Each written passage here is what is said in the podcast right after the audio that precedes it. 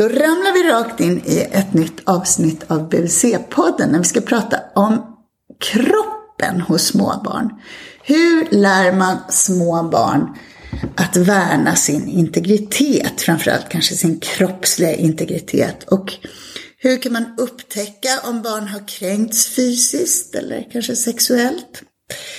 Jag heter Malin Bergström, jag är barnhälsovårdspsykolog och jag pratar om det här ämnet tillsammans med Hanna Termenius. Jag är psykolog och jobbar på Rädda Barnen. Och är det här en fråga som du, som är stor för Rädda Barnen, Hanna? Absolut. Vi både, vi både tar emot barn och föräldrar som har frågor kring det här, som ringer till oss. Och ibland barn som har varit utsatta, som har behov av behandling efter det. Men vi går också ut väldigt mycket och föreläser och pratar om de här frågorna. För vi tänker att de är viktiga. Det är, det är ett sätt att på något sätt försöka förebygga att barn utsätts. Och kan man göra det? Det är svårt att säga. Vi tänker, det är väldigt viktigt att säga att det, det, finns ingen metod. Det finns ingen metod att jobba med på förskolan eller som förälder som helt skyddar barn från att utsättas. Barn kan inte själva läggas på det ansvaret att små barn ska säga stopp, nej men jag vill inte eller så. Men däremot så kan vi få barn att någon slags förebyggande i det sättet att de kan signalera om någon börjar gå över gränsen så att vi kan stoppa sånt som kanske skulle ha blivit väldigt utsättande för barn. Vi kan lära barn hur de ska vara mot varandra så att de senare inte utsätter andra eller utsätter varandra för saker. Så på något sätt kan vi förebygga. Och jag tror också vi kan skapa en kultur där vi kan prata om det här på ett sätt som gör det mindre skamfyllt. Att barn håller mindre tyst om de är utsatta. Mm. Eh, hur vanligt är det att barn Alltså, man, både om man tänker sig att barn utsätts för fysiska kränkningar generellt, till exempel att barn misshandlas eller mm. får stryk. Eller... Vi vet att eh, vad gäller sexuella övergrepp, för jag tänker att det var det du skulle säga också. Ja, det... Vad gäller sexuella övergrepp så är det ju någonting som står väldigt mycket om i media och att barn utsätts på förskolan eller man pratar om pedofiler och, och så, småbarn. Och det är ju väldigt obehagligt när det händer. Men det har vi inga siffror på. Men vi vet att det är relativt ovanligt, vilket är bra. Men när vi pratar med gymnasieelever, man har gjort en stor studie där man har pratat med gymnasieelever om de har varit utsatta för olika typer av sexuella kränkningar eller sexuella övergrepp under sin barndom.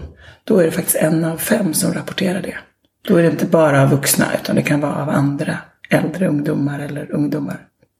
Så det är alltså extremt vanligt. 20 procent ja. säger att de har varit med om någon typ av sexuell ja. Mm. kränkning mm. under uppväxten. Mm. Men vad är, vad är det för typer av, av kränkningar och övergrepp? Och jag tror inte det är definierat. Men det, det man har frågat efter, nu ska jag eh, titta, det kan vara att eh, det, det är alltså att barnet har varit utsatt av någon, någon typ av handling där man har gått över gränsen, någon annan person har gått över gränsen på ett sätt som har varit kränkande för den egna integriteten och kopplat till sexu sexualitet. Mm.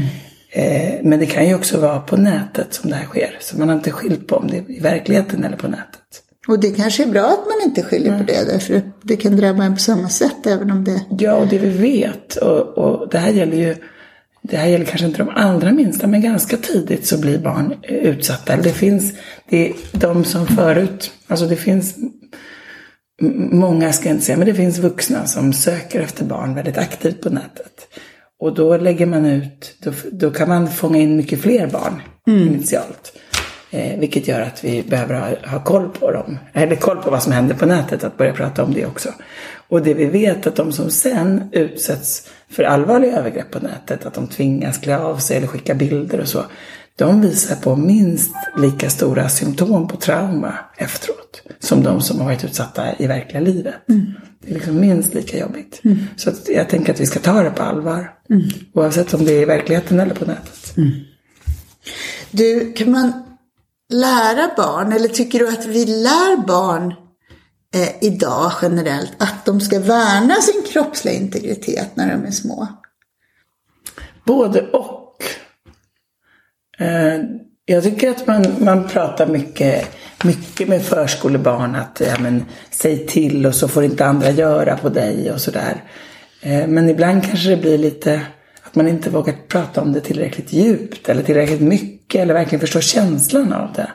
Eller vad det kan innebära. Utan det blir lite robotliknande. Jag säger stopp, nu vill jag ha den här leksaken eller så. Så att jag tänker att man skulle behöva prata om det mer och på mer olika sätt och koppla ihop det till känslor på ett annat sätt. Mm.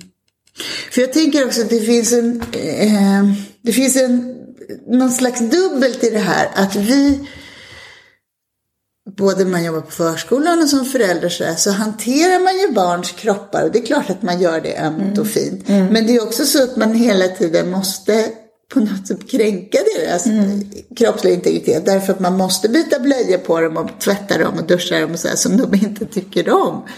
Så jag undrar, hur gör man det där på ett sätt som, som lär barn att stärka eh, integriteten samtidigt som de måste liksom underordna sig? Precis, och det finns ju flera delar i det här. Risken när vi börjar säga att, att vi inte ska eh, att vi måste liksom fråga först innan vi rör barn och så.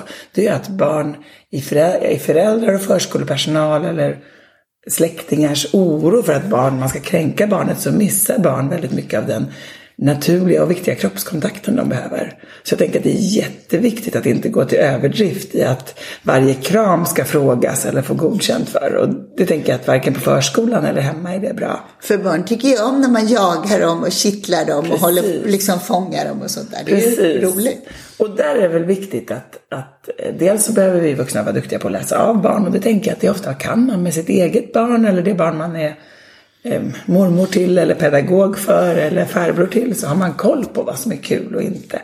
Och annars, har man inte det då är det ju läge att fråga. Mm. Men har man det kan man ju räkna med att var det okej okay med en kram igår kväll så är det sannolikt okej okay med en kram ikväll igen. Mm.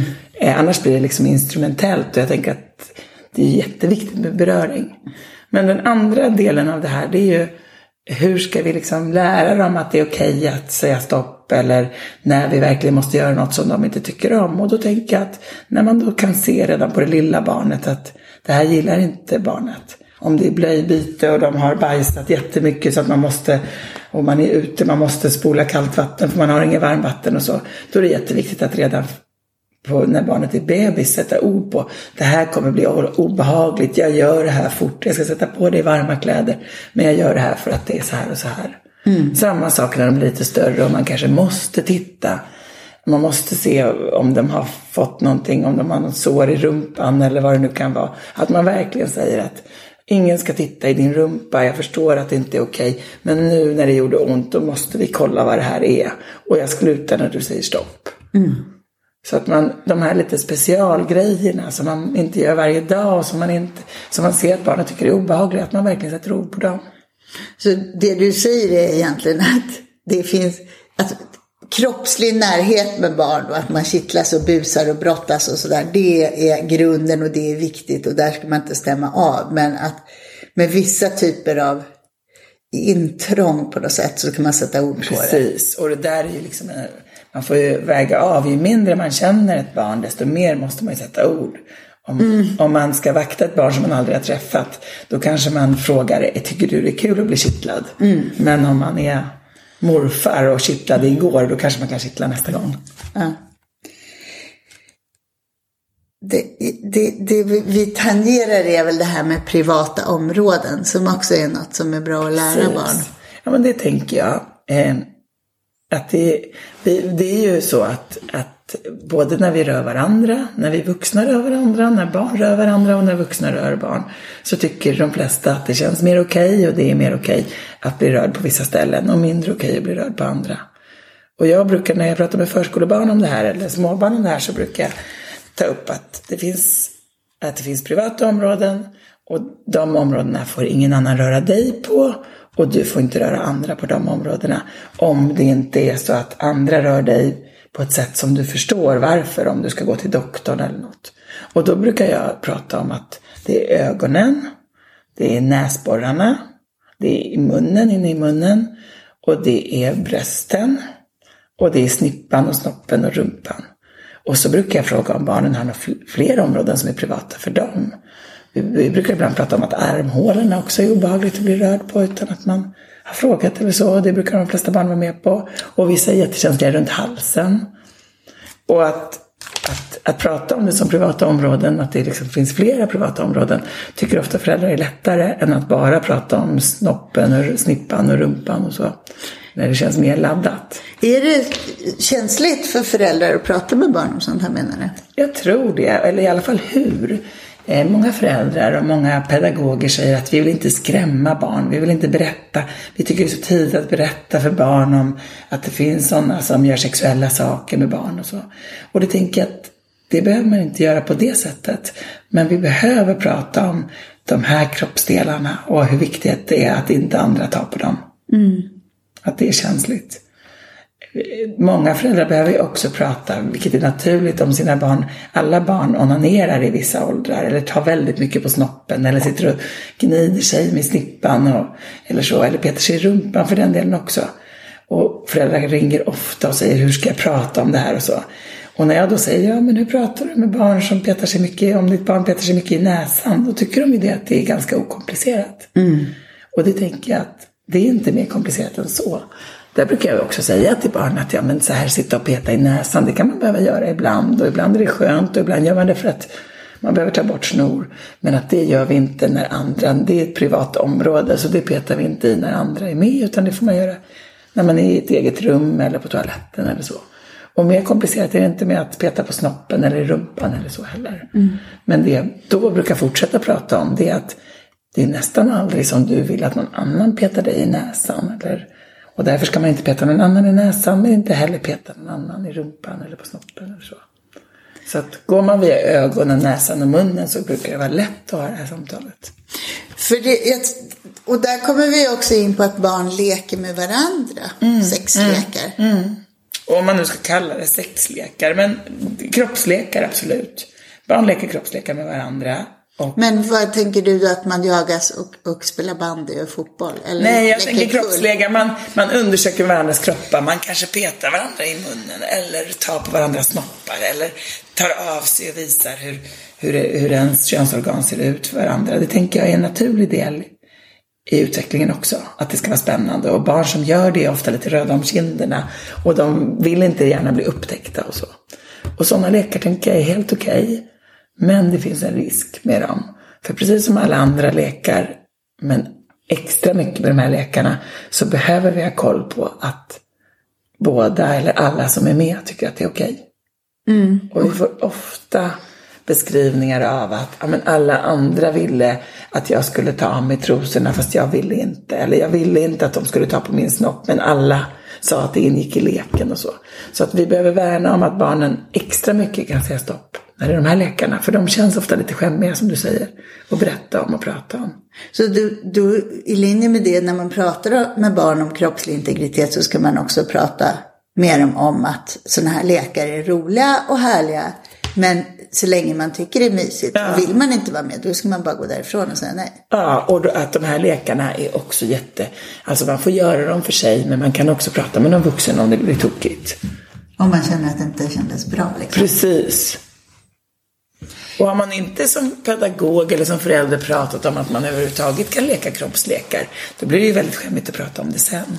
Så allt det här vi pratar om innan är ju för att det blir mycket lättare att prata om det sen. För det är väl inte bara så att man tar av sig trosorna och står och tittar på varandra. Man ligger väl och gnider sig mot Det varandra. kan nog hända. Ja. Och, det, och det är ju...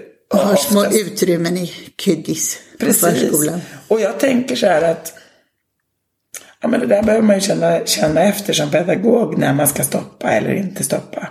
För att vi vet också, det här är liksom svårt att säga, men vi vet att barn som själva har blivit utsatta, de kan vara liksom drivna av det här. De har liksom, att bli utsatt eh, i tidig ålder för liksom sexuella handlingar som man inte riktigt har haft koll på eller förstått är ju också någonting som väcker en, alltså alla barn har ju pirr, men det kan väcka en drivkraft att göra det här på ett visst sätt. Som gör också att förskolebarn kan ibland utsätta varandra. Så vi behöver verkligen som pedagoger, jag tänker att man ska få vara själv i kuddis, men man kanske inte ska kunna stänga hela dörren. Det kanske ska vara ett, en öppning där uppe där pedagogerna kan kolla in. Eller samma sak, man kanske inte ska kunna låsa till toaletter. För jag tror att vuxna behöver vara med och säkra de här lekarna. Och det där gör väl också att sådana där lekar kan skrämma en som vuxen mer. Därför att man vet någonstans att det kan finnas en koppling. Man tänker, är det här ett symptom eller är det här... Alltså att det är någon avvägning där det för de flesta förstås bara handlar om en helt normal drivkraft att vi ska upptäcka kroppen och ha det Precis. skönt.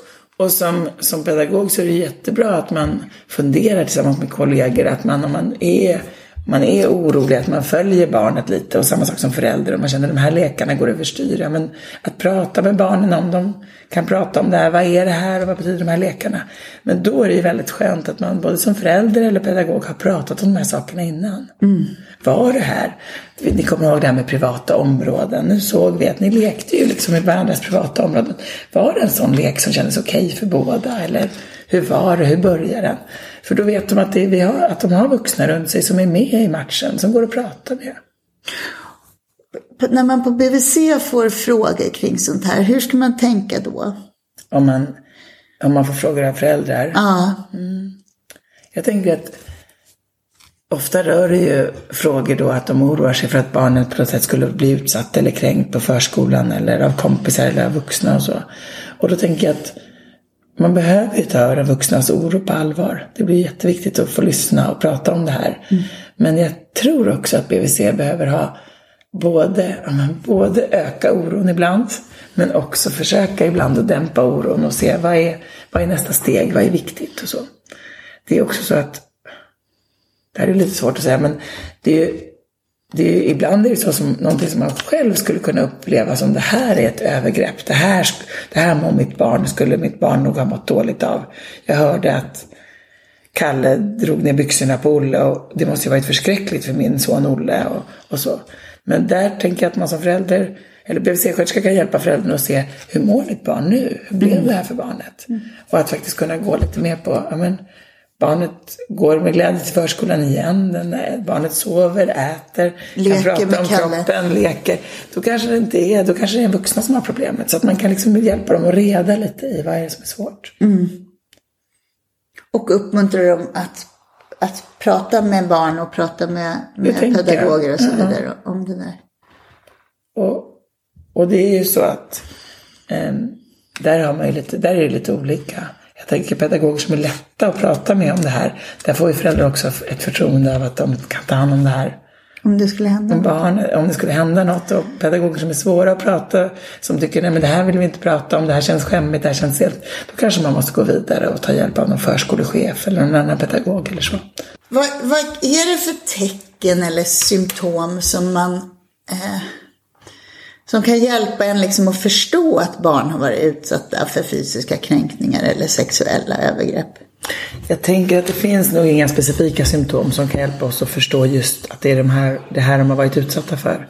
Det är därför dialogen med barn är så viktiga. Men om vi tänker vad man ska vara uppmärksam på så är det generellt vad man ska vara uppmärksam på för att se att barn far illa eller har varit utsatta för stressfyllda händelser i livet. Och det är ju att, det, att det, deras beteenden ändras på något sätt. Att de leker på ett sätt som de inte har lekt förut. Och ännu mer det här med att de dagliga rutinerna inte funkar. Man kanske inte vill gå iväg till förskolan eller gå iväg, lämnas bort någonstans. Eh, man kanske inte, man kan, kan ha jättesvårt att somna eller vakna upp, nattliga uppvaknanden. Kanske också det här att det barnen, förmågor som barn har lärt sig innan Eh, att klara sig eller lärt sig men att de har klarar, klarar sig utan blöja och plötsligt kanske de börjar kissa på sig eller bajsa på sig igen. Har svårt att äta. Kanske efterfrågar väldigt mycket av omsorg och vi orkar inte gå själv, vill inte, kan inte. Så, så alla de här, om det blir en förändring i, om man tycker att man inte känner igen det här barnet har varit så här och nu är det inte så. Då tänker jag att det är viktigt att börja fundera vidare. Vad är det som har hänt i mitt barns liv? Är det något jag inte vet och är det något jag vet som jag kan förstå och förändra? Men är det någonting särskilt som handlar, några tecken som finns rent så här, hur barn hanterar sin egen kropp? Och sådär man kan tänka på? Kanske kan man titta på det här med liksom, kroppsliga integriteten. Om man har blivit utsatt och inte kan berätta och tycker det är skämmigt och så. Så kanske det är ännu mer jobbigt vid sådana situationer där man ska få omsorg. När man ska duschas eller badas eller tvättas eller klä av sig. Att man liksom säger nej, jag vill inte eller vill inte ta av sig eller sådana saker. Men det behöver inte vara det heller. Nej, för det är en himla avvägning det där att barn inte vill gå iväg till förskolan. Det är klart att man ska ta det på allvar och samtidigt, ja, Och det, det, det är inte alltid så eller det är snarare, om man ska säga, barn som inte vill gå iväg till förskolan. Så det är inte alltid så att det pågår någonting som inte är bra på förskolan. Det kan ju också vara någonting de är oroliga för i hemmet. De är ju känsliga för hur föräldrarna mår och har det och reagerar på det också. Så man måste tänka ganska brett, mm. men man ska vara vaksam vid förändringar och då måste man fundera ganska brett på mm. det Jag tänker så här att barn som, barn som eh, barn som har förändringar i sitt beteende eller sitt mående, att det blir en förändring. Då tänker jag att då behöver man som vuxen, som förälder och pedagog också sätta på sig liksom nya detektivglasögon och se nu har det blivit en förändring, varför är det så här? Ofta är det övergående och det kanske inte är något problem, men håller det i sig så behöver man faktiskt fundera. Och det är det man ska fundera som BVC-sjuksköterska också. Precis. När föräldrar kommer med, med sån oro. Ja, då tänker jag att man får tänka brett och försöka ringa in och vad är det som har hänt och så. Jag tänker att på samma sätt, och det här låter ju krasst liksom, men du kan reagera på samma sätt om du är utsatt för en sexuell kränkning eller sexuellt övergrepp som du kan reagera med att få ett syskon eller en flytt eller så. Och det är ju egentligen sådana förändringar som på sikt blir positiva för barnet. Så det är inte alltid liksom att barn reagerar på sånt som är negativt. Så, bara. så lite är så att slå sina kloka huvuden ihop och mm. fundera kring mm. barnet också. Mm. Kan man göra någonting och se om det lättar också?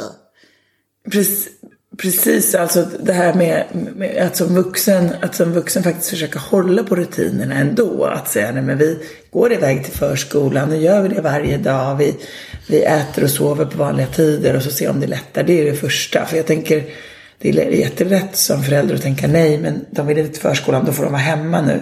Och då har vi svårt att få reda på vad det är. Och samtidigt så har jag har jag träffat föräldrar som känner så här, oh, men mitt barn signalerar ju, hon ville ju inte gå till förskolan jag skickade dit henne ändå. Eller han, och så var han utsatt där. Men jag tänker att vi behöver ändå göra så. Och man behöver förstås göra personalen uppmärksam mm. på att barnet har reaktioner ja. så att det blir extra väl Och är man riktigt orolig som vuxen, som förälder så tänker jag att man måste säga att mitt barn, jag är orolig för mitt barn har det. Jag vill att ni har extra koll på mitt mm. barn här idag.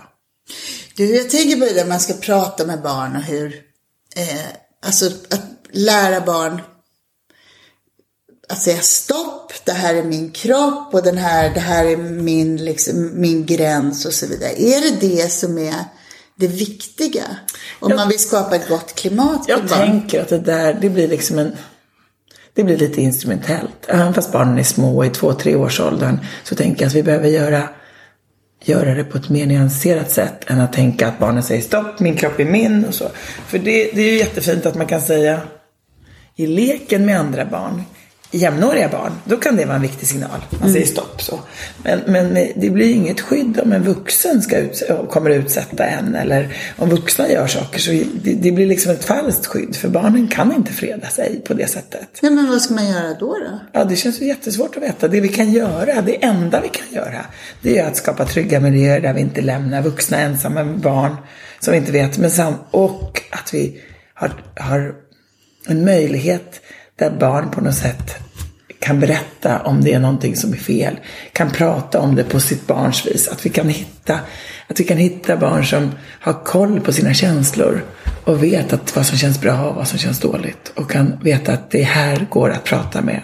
Att, att jag inte känner att det känns bra eller att jag känner att någonting känns dåligt. Det är någonting som jag har rätt att berätta om. Det är någonting som andra vill veta. Men det, det där är ju komplicerat därför att barn det är ju väldigt mycket som barn känner att de inte, Precis. så här, det här är villigt, alltså jag vill inte släppa min padda och gå och äta mat. Nej, det är det här. Liksom det här med, så känner jag nu. Hur ska man liksom, för då blir ja. det väldigt nyanserat att komma in på vad jag känner. Hur, alltså hur, när ska jag ta det på allvar det jag känner jätte, och inte? Det, det du är ute efter tänker jag Malin, det är det här att vi har redan nu tänker att både du och jag som har jobbat länge har sett att vi går mot mer och mer känslos, känslostyrda barn och, och följande föräldrar. Att man mm. säger nej men det här vill jag och man känner efter och man frågar barn. Och det tror jag är att göra barnen otjänst. Så att jag tror mm. att, att lyssna på barns känslor, det handlar inte alltid att lyssna på barns vilja i stunden. Mm. Det är inte samma sak. Och hur, kan du förklara den distinktionen då? För det där tror jag, där börjar man närma sig någonting som faktiskt känns ganska komplext och svårt om man tänker två, treåringar. Om jag vill rusta barn och jag vill kunna prata med föräldrar om hur de ska rusta sina barn. så blir det där komplicerat. För jag vill inte att vi ska vara för följsamma utan att barn ska ha trygga rutiner. Och med, med större barn brukar vi prata om ja och nej-känsla. Ja, eller med mindre barn också när det inte ska bli för svårt. Att ja-känsla är ju någonting som känns så här, det här känns okej, det här ger inte mig några negativa känslor, jag blir inte stressad, orolig, rädd, ledsen, utan jag känner pirr, jag känner att det här är positivt, det här är kul. Och nej-känsla, det är liksom det här, nej, det här tvärtom, jag blir arg, jag blir ledsen, jag skäms, jag blir liksom orolig.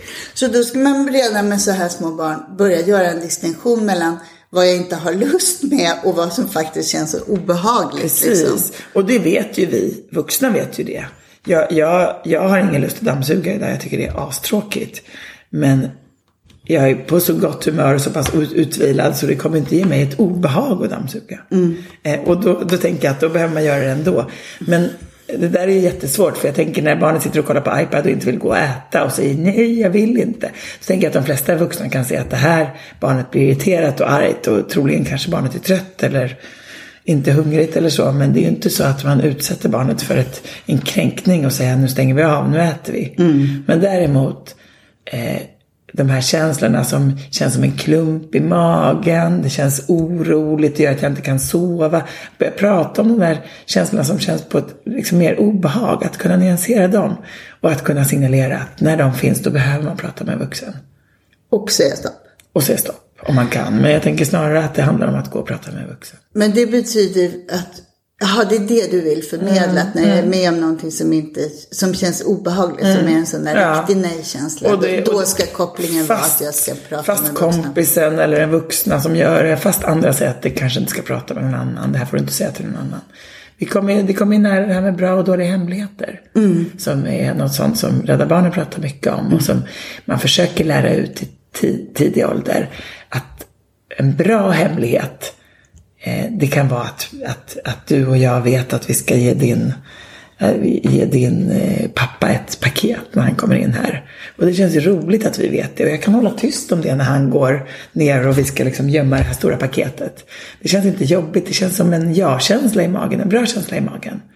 att tänka på det. Men en dålig hemlighet, det skulle ju vara att vi hade gjort något dåligt. Att vi hade satt upp ett snubbelband från, för din pappa nu när han ska gå ner för trappen. Fast jag tycker att han, är, han inte ska snubbla. Och så sitter jag och tänker, åh det här känns obehagligt.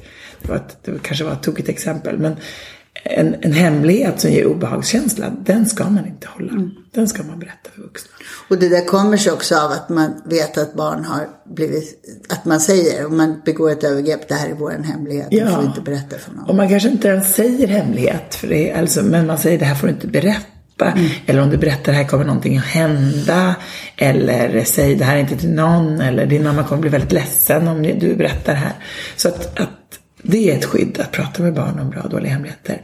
Men vad är din erfarenhet Anna, när det gäller så här riktigt små barn, jag kanske ska säga två och ett halvt, treåringar, av att man pratar så här nyanserat om känslor och ett, en obehagskänsla och så. För jag tänker att de ändå skulle kunna det. Ja, men det är det att barn är så känslostyrda och att det, känslor Alltså, är en så stor del av deras De personlighet. flesta av våra barnböcker och barnprogram och så bygger ju på det här. Att det är det som gör det spännande. Att, man, att barnen är med i de här känslovågorna. De kanske inte ens förstår orden. Men de ser att liksom pappa kanin är ledsen eller lilla kanin ser glad ut eller så. Så att jag tänker att de är med i det här. Men man kanske får göra det i, i form av lekar eller i form av att det kanske inte är alltid ord, i form av ansiktsuttryck, i form av lekar, i form av att titta, känna, känna i kroppen och så. Och där finns det bra material riktat till förskolan men som med fördel man kan kika på som förälder också. Och BVC-sjuksköterska tänker jag att man kan ha nytta av att känna till det. För man kan Absolut. uppmuntra andra att använda det. Vad, vad är det för material du tänker på Det där? finns ett material som har skickats ut till, för, för kanske drygt ett år sedan skickades det ut till alla förskolor i landet. Det var Brottsoffermyndigheten som gjorde ett material som heter Jag vill veta. Och det är Stina Wirsén som har tecknat jättefina bilder man kan använda som är som känslokort som man kan titta på. Eh, och sen så finns det övningar till dem, hur man kan prata och leka kring de här övningarna. Så det är ett material. Sen finns det som många använder i terapier och så, men som man med fördel kan använda på förskolor. Det är ju de här björnkort heter de, som Mareld förlag gör. Som man, men de får man ju köpa, de är inte gratis. Vad är det för något Det är då? massa björnar, både stora och små björnar med olika uttryck i både kroppen och ansiktet. Där man faktiskt kan titta på dem och se hur de känner. Och barnen kan också få väldigt många kort att välja på hur just de känner. Och har man lekt kring de här och har man haft de här när man har liksom haft samling eller pratat så är det också väldigt lätt om ett barn kommer sen och säger men jag känner mig, det här var inget bra, men vi, som vilken björn känner du dig nu? Att det kanske inte är så att man behöver sätta ord på det, man kanske bara kan visa eller plocka fram eller ta fram. Så det vi kommer till någonstans när det handlar om att stärka barn, kroppslig integritet och att kunna, ja, att skydda barn, så handlar det om att göra barn medvetna om vad de känner och att använda känslorna som en signal kring vad jag vill och vad jag inte vill. När jag ska säga ja och när jag ska säga Precis. nej och när jag ska gå till någon vuxen och när jag ska Ja. Alltså ta sig själva på allvar. En del, av, en del är ju det. Och det tänker jag att det är något som vi behöver jobba med för det kan stärka barn på massa olika sätt. En annan del som vi har varit lite inne på men kanske inte tillräckligt inne på. Det är ju faktiskt eftersom eh, övergrepp, eller det vi ser som övergrepp, ofta rör mer privata områden på kroppen. Det rör snoppen, snippan, munnen eller att behöva titta på bilder eller få, få bli fotograferad själv som naken och så. Så handlar det också om att vi gör det naturligt att prata om olika kroppsdelar. Att man har namn, att man har gemensamma namn för snoppen och snippan och rumpan och För det berättade du för mig att du har träffat barn som inte ens har namn på sina könsorgan. Nej. Att man inte har pratat med barn om det. Och hur ska man då berätta om det? Hur ska man säga? Mm. Eh, Och det tänker jag räcker med att hur ska man berätta att det liksom svider i rumpan eller att det gör ont någonstans om ingen, om ingen har sagt de orden, om man tror att det är skämmigt. Mm. Man kanske har till och med blivit tystad av, av vuxna och sagt men prata inte om snoppar och snippor eller den sången kan vi inte lyssna på eller det där, Mm. det där är trams och så. Och där behöver ju vuxna också ibland stoppa barn för vi pratar ju om det här med kiss och bajsåldern och att det är roligt att hålla på. Men vi behöver ju stoppa dem på ett varsamt sätt och säga att bajs det luktar lite illa. Det pratar vi inte om vid matbordet. Men det är ju inte så att man aldrig ska prata om bajs eller rumpa eller snippa eller snopp eller hur kroppen funkar eller så. Så att prata om hur kroppen funkar, att prata om snoppar och snippor och rumpor och munnar. Det är en viktig del vid Ja. sidan av att, att göra barn mer medvetna om För barnen måste ju få äga hela sin kropp och vi vet att man får ett ägande om man kan berätta om vad det är för kroppsdelar som är besväras eller att det är liksom oskämmigt att få berätta om det. Att äga sin kropp, säger du det? Ja, men på något sätt. Att om man, om man då går, som den här pojken var sju år och aldrig haft ett ord på snoppen och tänker att det blir bara en sak som man själv, det finns knappt på kroppen om man inte ens kan uttrycka det. Jag tycker att det här samtalet sätter liksom fingret på sånt som jag inte tror är svårt för en enskild förälder, liksom, utan det är svårt i vårt samhälle. Jag tycker att det här är något som vi har svårt med, vi vuxna. Hur vi liksom förmedlar någon så här kroppskärlek till våra barn. För att vi själva inte är stolta över våra kroppar utan är vana vid någon slags felsökningsprocess. Eller att vi är vana vid att inte ta våra känslor på allvar. Jag känner Ja. ett obehag men det kör jag över därför att jag på något sätt har lärt mig det och så. Ja, men en del av det är ju det. Men en del av det är också någon slags balansgång mellan vad som, vad det innebär. För vi vill ju också att barnen på något sätt, för att skydda sig själva, ska skydda. Vi vill inte att de går runt och visar snoppen för alla. Eller vi, vi, vi gör det inte själva för vi liksom skyddar. Vi vill ha liksom, sexualiteten ska vara på ett annat ställe eller i privata rum och så. Så att det blir liksom en, det är inte det är en kultur som vi, måste, som vi lever i som också är skyddande. Eh, men också en kultur där, vi, där det blir liksom, om hemlighetsmakeriet kan ju också bli oskyddande för barn. Och då menar du att i och med att det finns tabu kring sexualitet och privata kroppsdelar så kan det bli så att man, den råkar vara så eh, tabuna råkar vara så stark att barnen inte bjuds in i det där utan det blir något som man som 11-åring upptäcker på en porrsajt när någon kompis visar på mobilen. Liksom. Och, det, och det är ju svårt att, att liksom som enskild vuxen veta hur man ska bjuda in barn i det här. För om du är en förälder som har pratat väldigt mycket om det här hemma och pratat om snoppen och snippan och det och det. Så kanske förskolepersonalen kan tycka, nej men oj vad det här barnet verkar avancerat och veta mycket om sånt här. Mm. Eller uttrycka att det känner pirr eller inte pirr eller så. Och lika, likadant vet jag att jättemycket förskolepersonal vet inte inför föräldrar om de vågar prata med barnen om det här. Ja, Hur det ska bli liksom, när föräldrarna tar emot och barnen säger ja, idag pratar vi om snippor på förskolan. Mm. Och vad innebär det liksom? Eller att de ritar den typen av bilder och sådär. Så att det är liksom ett, det är inte helt lätt att göra det här. Nej, det är inte helt lätt. Men, men det du säger någonstans är att det ändå är viktigt att våga hitta gränserna för att prata om det. Precis. För att kunna stärka barn. Därför att det är inte svartvitt och att man säger åt barn vid ett tillfälle att du ska vara rädd om din kropp, det här är dina privata delar, de måste du värna om. Utan det handlar om att ha någon slags levande samtal där. Och jag tror att, precis som du säger, så är det här ett, ett samtal som, är med, som behöver vara med i vardagssamtalet. Som allt annat. Liksom så. Det behöver ske när man byter på barnen, när man sitter och äter, när man tillrättavisar barn, när man, när man har något positivt och så. Och på ett, på ett väldigt liksom okomplicerat vis. Men det, det kan inte... det så svårt. Ja, men, det ska vara ja, men sådär, att det inte är så här, nu ska vi prata om blommor och bin. Mm. Utan oj då, och liksom, jaha, hur blev det för dig när det blev så här? Eller det här läste jag i tidningen, hur upplever ni det? Eller har ni pratat om det här på förskolan också? Eller liksom att prata, och där får vi komma ihåg att de små barnen har ju inte ens språket för det. Så då, då behöver vi liksom tänka på något sätt prata på, vi, vi ska inte överprata om det heller. Mm. Utan då får man liksom ligga väldigt nära det de har språk för. Men det jag tänker också att man kan följa barn eftersom de brukar ha kiss och bajsålder mm. och tycka att att snoppar och snipper är ganska spännande. Det kom ju en jättefin eh, Basilakuten på SVT. Den går att söka SVT, Barnkanalen som har ett program som heter Basilakuten. Gjorde en jättefin sång, Snipp och snopp-sång som man kan söka på. Den ligger fortfarande ute och är väldigt populär. Mm. Och, och den är ett sätt att få, få ord på, i alla fall få in det här med snippan och snoppen. Och det är väl sånt man kan göra ihop med barnet. Och kanske alla då fundera på hur vi ja, men prata med barn om komplexa ämnen. Att, inte, att våga det och att inte backa från mm. det. Och inte tro att man är ensam som gör det, utan göra det tillsammans. Mm.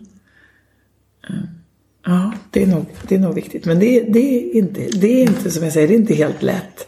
Eh, jag var, jag var ute på en förskola där det faktiskt var så att det hade varit barn som hade blivit utsatta. Så det, var en, det pågick en förundersökning och så pratade jag med den personalgruppen. Jag hade föräldramöte också, men när jag pratade med personalgruppen så sa de att det känns verkligen inte läge att vi här på den här förskolan pratar om kroppen och kroppsgränser och, och sånt just nu utifrån det som har hänt.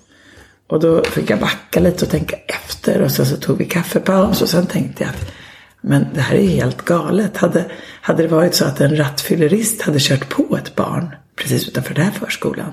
Då skulle vi verkligen tycka att det var tema trafikregler skulle vara jätteviktigt just på den här förskolan. För att veta, oj där kommer någon, vi ser att ett barn är på väg ut i gatan eller några klättrar över grinden eller hur, hur gör vi då? Mm. Då skulle man jobbat med det dagligen och föräldrar och barn skulle tycka att det var positivt. Men händer det något sånt här, att ett barn blir utsatt sexuellt och så, då är det som att då måste det skyddas och och, och, då, och, och tisslas och tasslas. Och där tror jag vi vuxna behöver hjälpa varandra i att bli modigare. Mm. Att, att, barn är inte fega i det här, det är vi som blir fega. Och inse att vi alla är lite nervösa kanske Precis. och lite liksom uttrycker oss klumpigt men ändå uppmuntrar varandra att våga. Precis, och köra. göra det och hitta tips och göra det tillsammans med en föräldragrupp och så. Mm. För jag undrar om vi på BVC pratar så mycket om sådana här saker. Jag tänker mm. att det kanske är någonting som vi skulle behöva diskutera mer med varandra Precis. också. Man kan ju bara fundera på liksom Ja, när man skulle göra det och hur. Och jag tänker att det är någonting man skulle prata om redan på liksom den här eh, mammagruppen eller föräldragruppen och så redan från början. Men sen också ta upp i samband med kontroller att prata mm. om de här frågorna. Hur har ni pratat om det här? Tänker barn redan, jag vet inte om det är på ett och ett halvt årskontrollen man pekar ut kroppsdelar. Frågar man någonsin liksom vad snoppen eller snippan heter? Det tänker jag skulle vara en sån där rutin. Men vad heter det här då? Vad säger ni? Har ni lärt om det? Det kanske finns bara små grejer man kan göra för att förskjuta det här tabut lite grann. Mm. Och som du sa, tabut behöver ändå finnas därför att det är också ett skydd. men att det måste vara ett tabu som barn är medvetna om. Barn ska inte på något sätt vara med om vuxnas sexualitet när de är små. Såklart. Men de ska ändå veta om sin kropp och sina gränser. Du, avslutningsvis, är det barn som löper extra hög risk att utsättas? Ja, tyvärr är det det. Och det är samma barn som löper högre risk att utsättas för en massa andra saker också. Det är barn som har mindre vuxenstöd. Barn som lever i socioekonomisk utsatthet. Barn som har föräldrar med psykisk sjukdom. Föräldrar med missbruk, för omsorgssvikt och så. Det, det finns någonting i det här som gör att dels så söker barn som inte har fått så mycket. De söker närhet och trygghet på ett sätt som ibland kan bli distanslöst och ibland lockas lockas in.